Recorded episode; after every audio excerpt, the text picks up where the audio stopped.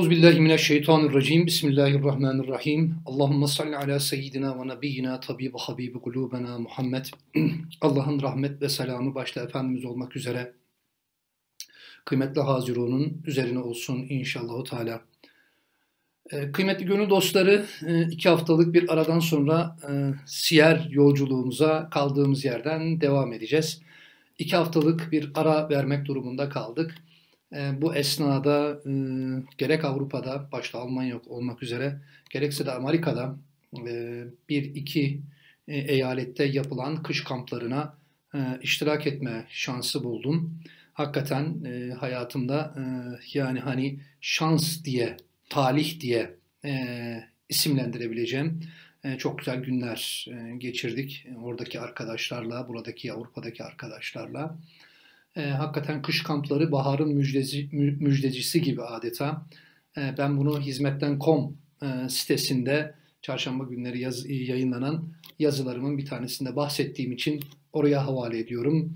Evet, baharın müjdecisi kış kampları adı altında belki bu yazıyı merak edenler olursa okuyabilirler. Oradaki izlenimler, e, ve kamplar neyi ifade ediyor? Siyere bakan yönüyle neyi ifade ediyor? Manevi yaşantımıza bakan yönüyle neyi ifade ediyor? Orada anlatmaya çalıştım. Hatırlayacaksınız kıymetli siyer yolcuları boykotta kalmıştık. Evet boykot diyeceğiz bugün. Ve e, bugünkü sohbete eğer bir başlık bul derseniz e, ben şu başlığı tercih ederim. Zulüm kararnamelerinin belki de ilkiydi. Evet bir karar vermişti müşrikler. E, Efendimiz ve müminleri ve arkadaşlarını artık bu sohbetleri dinleyenlerin aşina olduğu şekliyle e, ifade edelim.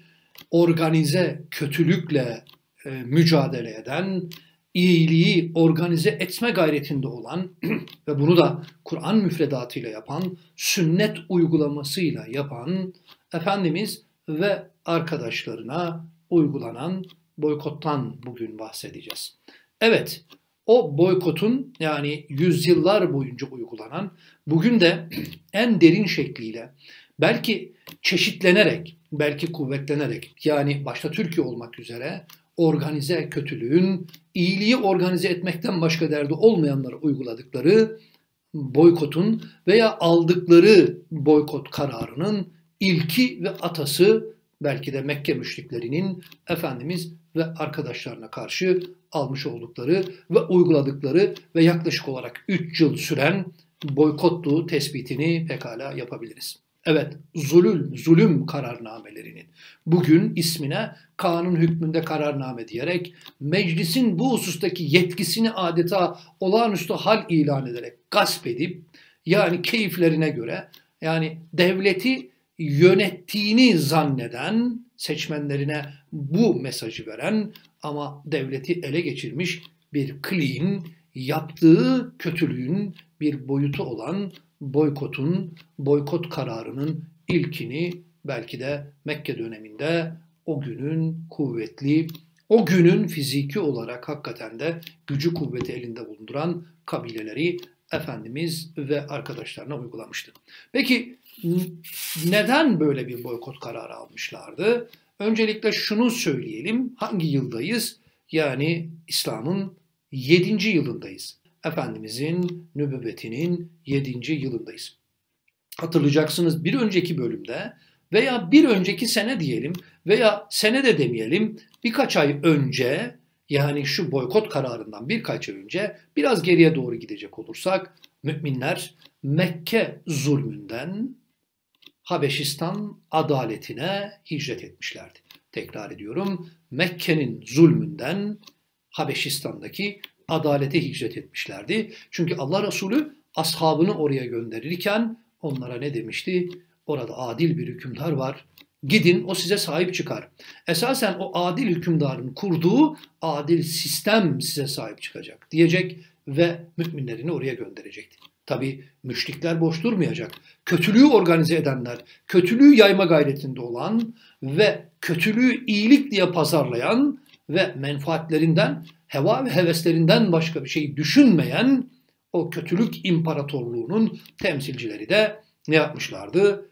İki veya üç kişiyi oraya göndererek Habeş Melikinden adeta bugün hukuki bir tabirle söyleyecek olursak suçluların iadesini istemişlerdi. Gidip o 103 kişiyi Habeş Melikinden istemişlerdi. Ama hatırlayacaksınız bir önceki hafta yani hani bu inş işlenmişti. Dolayısıyla bir önceki muhabbette, sohbette işlenmişti. Dolayısıyla ne yaptı Habeş Meliki? Önüme altından dağlar da yığsan, yani beni hediyelere de boğsan, hatta ve hatta bana Arabistan'dan gel şuradan toprak verelim de desem parantez içerisinde manayı genişleterek söylüyorum. Ben bu aziz misafirleri sana teslim edecek değilim demişti.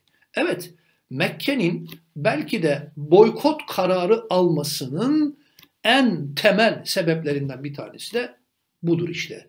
Yani müminleri, Müslümanları ele geçirememiş olmaları, onların Habeşistan'a sığınmış olmaları, Habeş Meliki'nin ki Habeşistan hicretlerinin belki de en önemli, belki de en büyük meyvesi buydu kıymetli dinleyiciler. Devlet bazında bir devlet ve bir devlet başkanı yeni ortaya çıkmış bir dine sahip çıkıyordu.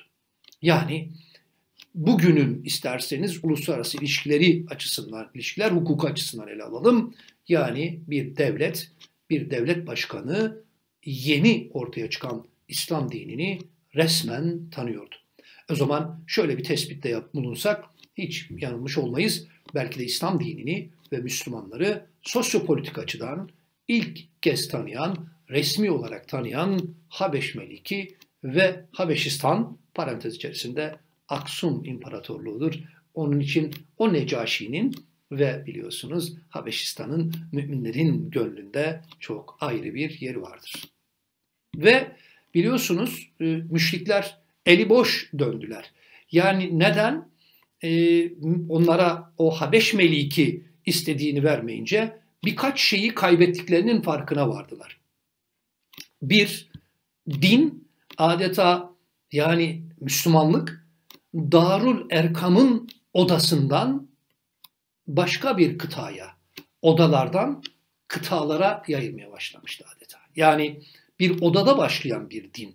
Esasen hani ilk vahyin gelmesinden sonra adeta ilk sistematiğini, hücreye göre düşünecek olursak ilk çekirdeğini Allah Resulü sallallahu aleyhi ve sellem toplumu değiştirme ve dönüştürme, iyiliğe doğru değiştirme ve dönüştürme adına yaptığı toplantılar o Darül Erkam'da tedbirlice onun bir odasından artık adeta o meşale yakılan o odada yakılan meşale artık odadan kıtaya hareket etmişti.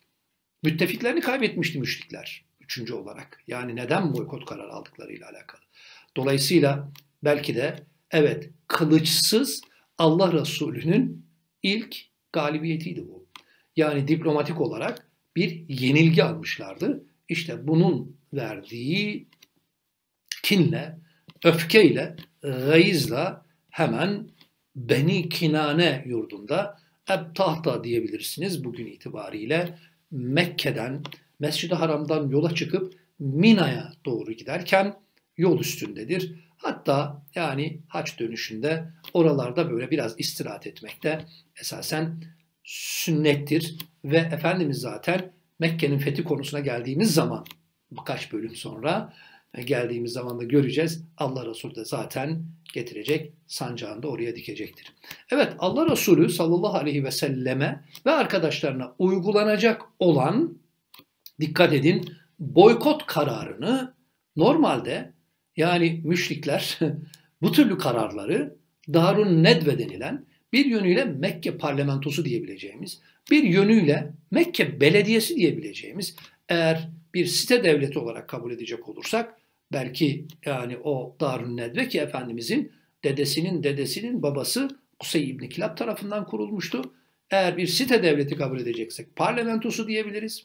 Eğer bir şehir kabul edeceksek yani hani politik olarak idari açıdan eğer bir şehir kabul edeceksek biz oraya yani e, o zaman işte şehir meclisi diyeceğiz. Normalde bu türlü kararları tırnak içerisinde örf ve adet hukukları açısından yani e, genelde sorulan bir sorudur. Yani o dönem itibariyle yani hani Mekke'de nasıl bir yönetim vardı? Hukuk var mıydı? Üst hukuk normları var mıydı? Evet bunu şöyle cevaplayabiliriz. adetlerine çok sıkı sıkıya bağlı oldukları için ne yapıyorlardı? O adetleri hukuk, üst hukuk normu olarak kabul ediyorlardı. Yanlış bile olsa yani canice bile olsa onu öyle kabul ediyorlardı. Örf adet hukuku vardı diyebiliriz. Dolayısıyla o, o hukuka binaen normalde bu kararı Darun Nedve'de almaları lazım. Ama dikkat edin birkaç kuvvetli, üçlü, beşli çete bir araya gelip karar aldıkları için Darun Nedve'de bunu adeta genelleştiremediler bir yönüyle. Ama o gün itibariyle tabii Ebu Cehil'in büyük bir ağırlığı var. Ta Bedir'e kadar o ağırlığı devam edecek. Bedir'de de biliyorsunuz yani işte o şeyin çukurlarını boylayacak. İşte Ebu Cehil'in çok ciddi ağırlığı var. İşte Ukbe İbni Ebu Muayit gibi insanlar bir araya geliyorlar ve bir boykot kararı alıyorlar. Dikkat edin bu boykot bir kararname yani adı üzerinde karar veriliyor. Neye? Başta Haşimiler olmak üzere, Abdülmuttaliboğulları olmak üzere aldıkları boykot kararı sadece Müslümanlara değil ağırlıkla Müslümanlara tabii onların kendi kendine yok olmaları için adeta yani toplu bir kıyım yapmaktan, yapmaktansa kendi kendilerine yok olup gitsinler. Onları açlıkla imtihan edelim, yoklukla imtihan edelim, toplumdan tecrit ederek imtihan edelim. Evet Müslümanlar ağırlıktaydı bu boykot kararları. Müslümanlara karşı alınmıştı ama dikkat edin yani kendilerini de desteklemeyen herkese karşı esasen alınmış bir karardı. Bu çok önemli. Yani muhaliflerini sindirme adına alınmış karardı, kararnameydi. Bir yönüyle de kanun hükmünde kararnameydi. Belki de bugünkü kararnamelerin ilkiydi ve atasıydı. Boykota karşı çıkacaklarla alakalı ne yaptılar? Tıpkı muallekatı sab'a gibi götürüp Kabe'nin duvarına veya kapısına astılar ki yani bir kutsiyet atfedilsin diye. Ve boykot başladı. Yani zaten fiili olarak başlamıştı. Hukuken de başlamış oldu. Peki boykot nasıl neticeler verdi? İki türlü boykot uyguladılar kitaplardan okuduğumuza göre. Bir tabiri caizse sosyopsikolojik boykot dediğimiz yani güçlerinin yetiremeyeceklerini yani o boykot uyguladıkları alan ve mahalleye sokamadıkları işte Hazreti Hamza gibi, Hazreti Ömer gibi, Hazreti Osman gibi insanlarla katı alaka ederek onlarla ticareti keserek, kız alıp kız vermeyerek, toplumda ötekileştirerek adeta sosyopsikolojik bir boykot uyguladılar. Diğeri ise güçlerinin yettikleri başta kendi köleleri olmak üzere veya köleyken azat ettikleri mevali olmak üzere ne yaptılar? Onları işte bir alanda toplayarak oraya adeta yiyecek giriş çıkışını çok kontrollü tuttular. Yani ve dediler ki yani bugünkü bir yönüyle hapishanelere benzetebilirsiniz. Ve işte o 7. 10. yıllar arasında Mekke adeta bir açık hava hapishanesine dönüşmüştü. Evet bir taraftan bunu yapıyorlar. E, burayı da çok önemsiyorum. Yani bir taraftan işkenceler devam ediyor. Üzerine boykotlar ilan ediliyor. istihsalar devam ediyor. Bir taraftan da kapı kapı gezerek algı operasyonu yapıyorlardı ve diyorlardı ki eğer bir Allah olsaydı haşa ve kella bunların önüne geçerdi. Bir peygamber olsaydı bizi bir kılıç darbesiyle, bizi bir duasıyla yerin dibine geçirdi. Demek ki böyle bir hak yol değil bu. Bu doğru bir yol değil diyerek de bir yönüyle çok ciddi algı operasyonları yapıyorlardı ve insanları dinlerinden ve davalarından döndürmeye çalışıyorlardı. Ama Allah Resulü o günlerde belki neye üzüleceğini şaşır, şaşıracağı haberler alırken üst üste sabırla, sebatla, durduğu yerin meşruluğuna inandığı için Kur'an ve sünnet ışığında sabrederek, aktif sabırla, ilmek ilmek tabiri caizse yani o İslam atlasını dokuyarak o iyiliğin müfredatını tabiri caizse insanlara okuyarak ve okutarak öyle bir zaman geldi ki neye sevinecekleri, ne şaşıracakları haberler aldılar. Bunu Medine döneminde uzun uzun işleyeceğiz. Evet, peygamber yolunun yolcuları da iyilik için mücadele eden, iyiliği yeryüzünde hakim kılmak için gayret gösterenler de Allah Resulü'nün sallallahu aleyhi ve sellem adımlarını, izlerini takip ederlerse evet bugün çile ama Kur'an'ın, sünnetin ve hukukun dışına çıkmazlarsa elbette neye sevinecekleri, şaşıracakları haberleri alacaklardır. Buna Rabbimizin rahmetinden dolayı imanımız ve ümidimiz tamdır. Çünkü o diyor la taknatu min rahmetillah. Allah'ın rahmetinden ümidinizi kesmeyin. Evet, boykotla alakalı çok az şey okuyoruz. Başka bir başlık. Bu neden çok az şey okuyoruz? E çünkü sahabe Yani gerek Reşit abinin kitabından okuduğumuz kadarıyla, gerek Sonsuz Nur'dan beslenme kaynaklarımızdan okuduğumuz kadarıyla sahabe biraz böyle e, yani çektiği çilenin primini almak istememiş bu dünyada. Yani e, bu tabirler bana ait tabirler değil, okuduğum kitaplardan derlediğim tabirler.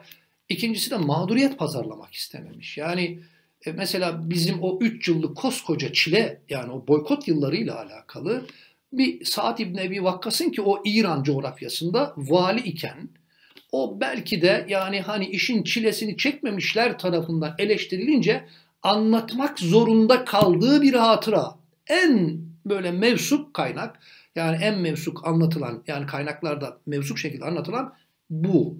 O da ne? Diyor ki biz Allah Resulü ile bakın dikkat buyurun o kadar güzel yani şey cümleler kuruyor ki o kadar kibar ifadeler kullanıyor ki yani diyor ki biz Allah Resulü ile boykot yıllarında çok güzel günler geçirdik diyor. Güzel günler. Yani nedir güzel günler? Açıklıyor kendisi. Bir şey bulamadığımız için ağaç kabukları yerdik diyor. Yani hani birisi de çıktı dedi ya ağaç kabukları yesinler. Ben dedim ki bu yolun yolcuları bir kere de Allah Resulü'nün hayatına, sahabenin hayatına benzedi ve benzetildi dedim yani. Ve ağaç kabukları yiyip yani koyunlar gibi pislerdik diyor. Ben ilimde belki bir sakınma, çekinme olmayacağı için Sa'd İbn Ebi Vakkas'ın anlattığı şekilde anlatmaya çalışıyorum. Bir gün dışarı çıktım, yerde farklı bir şeyin olduğunu anladım. Aldım elimle yokladım ve bir deri parçası olduğunu anladım. Gittim yıkadım yedim. Üç gündür bir şey yemiyordum. Üç gün daha bir şey bulamadım. Bir hafta içerisinde bir deri parçasıyla. Bunları anlatmak zorunda kalıyor. Çünkü işin çilesini çekmemişler. O işin önde yürüyenleri, çilesini çekmiş olanları, adeta tabiri caizse hoca efendice söyleyelim bir deli tavuk gibi o yumurtaların o civcivlerin üzerinde dönüp durdukları duran o dönemin ilkleri o Allah Resulü'nün ilklerine dil uzatmaya başlayınca Sa'd İbni Ebi Vakkas boykot yıllarıyla alakalı bunu anlatmak zorunda kalmıştır. Neden? Çünkü çilenin primini yapmak istememişler. Çünkü mağduriyet pazarlamak istememişlerdir. Mesela o yıllara ait yani hani yine belki Sa'd İbni, mesela Habbab bin Eret yani ki en çilekeşlerden bir tanesidir. Tavsiye ederim Habbab bin Eret'in hayatına şöyle bir nazar edin, bir bakın. Çünkü bu sohbetin hakikaten şeyini, istavini, istav haddini çok aşacağı için ben girmiyorum. Habbab bin Eret de boykot yıllarıyla alakalı çok zorladıkları için ancak ihtiyarlık döneminde bize birkaç parça bir şey anlatmış, anlatabilmiştir. Peki boykot bu şekilde devam ederken tabii Mekke'de bir yönüyle kaynıyor. Yani hatta aklıma gelen bir şey daha sizlerle paylaşayım. Yani Ebu Cehil ve avanesi yani boykot kararını alan o kararnameyi imzalayanlar yani öyle. Ee, ne yapıyorlar? Bir kere kendilerinden olmayan yani isterse o heyetin içinde olsun birisi götürüp de onlara yardım e, verdiği zaman onu da sen onlardasın diyerek ne yapıyorlardı? Adeta mühürlüyorlar ve mimliyorlardı ve ondan da kat alaka ediyorlardı. Yani dini diyaneti önemli değil burada. Mesele Müslümanlara yardımcı olunmuş olmasıydı. Ee, ama Ebu Cehil ve avanesi yani biz şöyle diyelim isterseniz ümmetimin firavunu diye anlattığı Allah Resulü'nün Ebu Cehil haram aylar geldiği zaman o 3-4 ayda ne yapıyordu? Boykotu gevşetiyorlardı. ama medyadan takip ediyorsunuz. Türkiye'deki arkadaşlardan belki dinleyenler vardır. Yani hakikaten bu devrin o zulüm kararnamelerine imza atanları 3 aylar geldiği zaman bırakın 3 ayları Ramazan'da zulümlerini artırıyorlar yani. Ben 3 nokta koyuyorum. Varın mukareneyi ve karşılaştırmayı dikkat edin. Tekrar ediyorum sosyopolitik açıdan ve yapılan eylem açısından. Kimin kalbinde ne kadar iman var biz bilemeyiz. Belki onlar da mümindir. Biz bilemeyiz bunu. Ama yapılan zulmün benzerliği açısından varın mukareneyi de siz yapın. Ve e, tabi boykot bu şekilde devam ederken yani hani e, müşriklerden bazıları demek ki henüz gönül tellerinden bir şey kopmamış olan, henüz tabiri caizse vicdan akortlarında yani hani e, daha henüz birkaç telin hala sağlam olduğu birkaç yani hani Belki bir kısmı daha sonra sahabe olacak, bir kısmı da sahabe olmadan ölüp gidecek. Bir müşrik olarak ölüp gidecek ama neticede vicdanının sesini, soluğunu dinleyenler de olacak. Mesela bunlardan bir tanesi Hakim bin Hizam'dır. Hakim bin Hizam yani o boykotun uyguladığı alana bir gece vakti tedbirli bir şekilde ne yapacak? Katırını götürecek veya devesine bir arpa yükleyecek ve onu yani kamçılayarak, göğsüne vurarak diyor kitaplar, onu işte oraya doğru sürecek. Allah Resulü bunu bilecek ve hiç unutmayacak. Mesela yine bir gün Hakim bin Hizam ki bu zat biliyorsunuz Hazreti Hatice annemizin de kuzenidir. Amca çocuklarıdır. Dolayısıyla Hakim bin Hizam yine o boykotun olduğu yere doğru yardım götürürken Ebu Cehil ile karşılaşıyor. Ebu Cehil ile ayne ent diye sorunca nereye gidiyorsun? O da yani açıkça söylüyor. Benim akrabalarım, eşim, dostum orada. Onların yani açlıktan karnı tabiri caizse sırtına yapışmışken ben evimde rahat yemek yemedim. Dolayısıyla bu yardım onlara götüreceğim deyince Ebu Cehil hayır diyecek. Götüremezsin. Götürürsen seni de ondan ilan ederek aralarında tartışma çıkınca Ebul Bahteri ki yaşça Ebu Cehil'den büyüktür ki o da müşriktir. Yani şu tartışmanın e, tabiri caizse yani e, sahnedeki e, aktörlerinin tamamı müşrik. Hakim bin Nizam henüz müşrik, Ebu Cehil müşrik ve Ebul Bahteri de müşrik. Şimdi Ebul Bahteri yani olanı dinledikten sonra Ebu Cehil'e dönüp akrabalarına yardım götürdüğü için bir adama engel olmaya mı çalışıyorsun? Ebu Cehil tartışmayı büyütünce aynen şöyle yazıyor kaynaklarda bir kuru at kafası yani bir yani iskelet haline gelmiş bir atın kuru kafasıyla vurduğu gibi Ebu Cehil'in kafasını yaracak. Evet yani e, zaten bunlar daha sonra Ebu Bahteri gibi, Hakim bin Hizam gibi, Mut'im bin Adi gibi bunların tamamı müşrik. Bakın oturacaklar ve bir karar alacaklar. Yani kuytu köşelerde bir araya gelecekler ve diyecekler ki ya yeter bu kadar yani. Yani artık e, yani iniltiler çünkü demek ki o boykottaki çocukların ağlama sesleri, ölenlere tutulan yas ve ağıtlar Mekke'nin o yukarı Mekke'nin demek ki sosyetesinin evlerine kadar adeta gelecek yani öyle. O, o çığlıklar onların bam teline dokununca oturup bir karar alacaklar. Bakın bugün hapishanelerdeki on binler, e, bine yakın çocuğun ağlama sesleri birilerinin vicdan tellerine demek ki ne tel kalmış yani ne vicdan kalmış. O göğüs kafeslerinde taşıdıkları artık Mekke'nin granitlerine dönmüş bugünün işte hukuk tanımazları, bugünün insanlık düşmanları, insanlığı eksiltenlerin kalplerine ve yüreklerine adeta ulaşmıyor. Ulaşıyor peki ama tıpkı yine Kur'an'ın anlattığı gibi anlatalım. Yani yağmuru içine almayan sert kayalar gibi o rahmetten bir yönüyle işte o çığlıktan. Esasen ne kadar insansınız sorusunun cevabını birisi çok güzel söylüyor. Başkasının acıdan inlemesiyle çıkan sesin duvarlarınızda yankılandığı kadar insansınız. Bir araya geliyor Mutlu İmadi'yle. Nasıl bitti peki boykot? Bir araya geliyorlar. Diyorlar ki yeter artık. Ve Ebu Cehil gibi azılı işte Mut'im bin Adi'in gibi özür diliyorum işte Ukbe İbni Ebu Muayit gibi Utbe gibi onların olduğu yerde geliyorlar kalabalık içerisinde. Mekke çok kalabalık yani daha doğrusu Mescid-i Haram çok kalabalık. Kabe'nin etrafı çok kalabalık. Yeter diyorlar artık bu boykotun fiilen ve hukuken bitmesini istiyoruz. Öyle kararlılar ki Ebu Cehil dönecek ve ne diyecek biliyor musunuz? Yani ya bugün idareciler gibi yani bu bana kurulmuş bir komplodur diyecek. Belli ki hatta aynen şöyle geçiyor kitaplarda. Belli ki siz bir yerde oturdunuz bir köşede. Yani bunun planı programını yaptınız ve benim karşıma çok hazırlıklı çıktınız.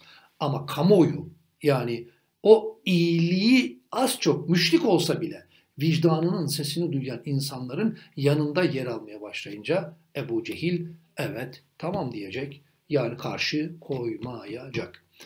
Bir de bir mucize yaşanacak. Bu mevcut kitaplarda da geçiyor. Efendimiz Ebu Talip'le olduğu bir anda diyecek ki bu ikisi üst üste tevafuk etmiş olabilir. Allah mucizesiyle bu boykotu kaldırmaya çalışanlara bir tabi caizse müşevvik vermiş olabilir diyoruz biz. Ve Allah Resulü diyecek ki amcasına şu anda o boykot için Kabe'nin kapısına asmış oldukları o yani kararnameyi, o parçayı, deri parçasını bir kurt yedi. Sadece Bismike kısmı kaldı. Onun haricinde hepsini yedi.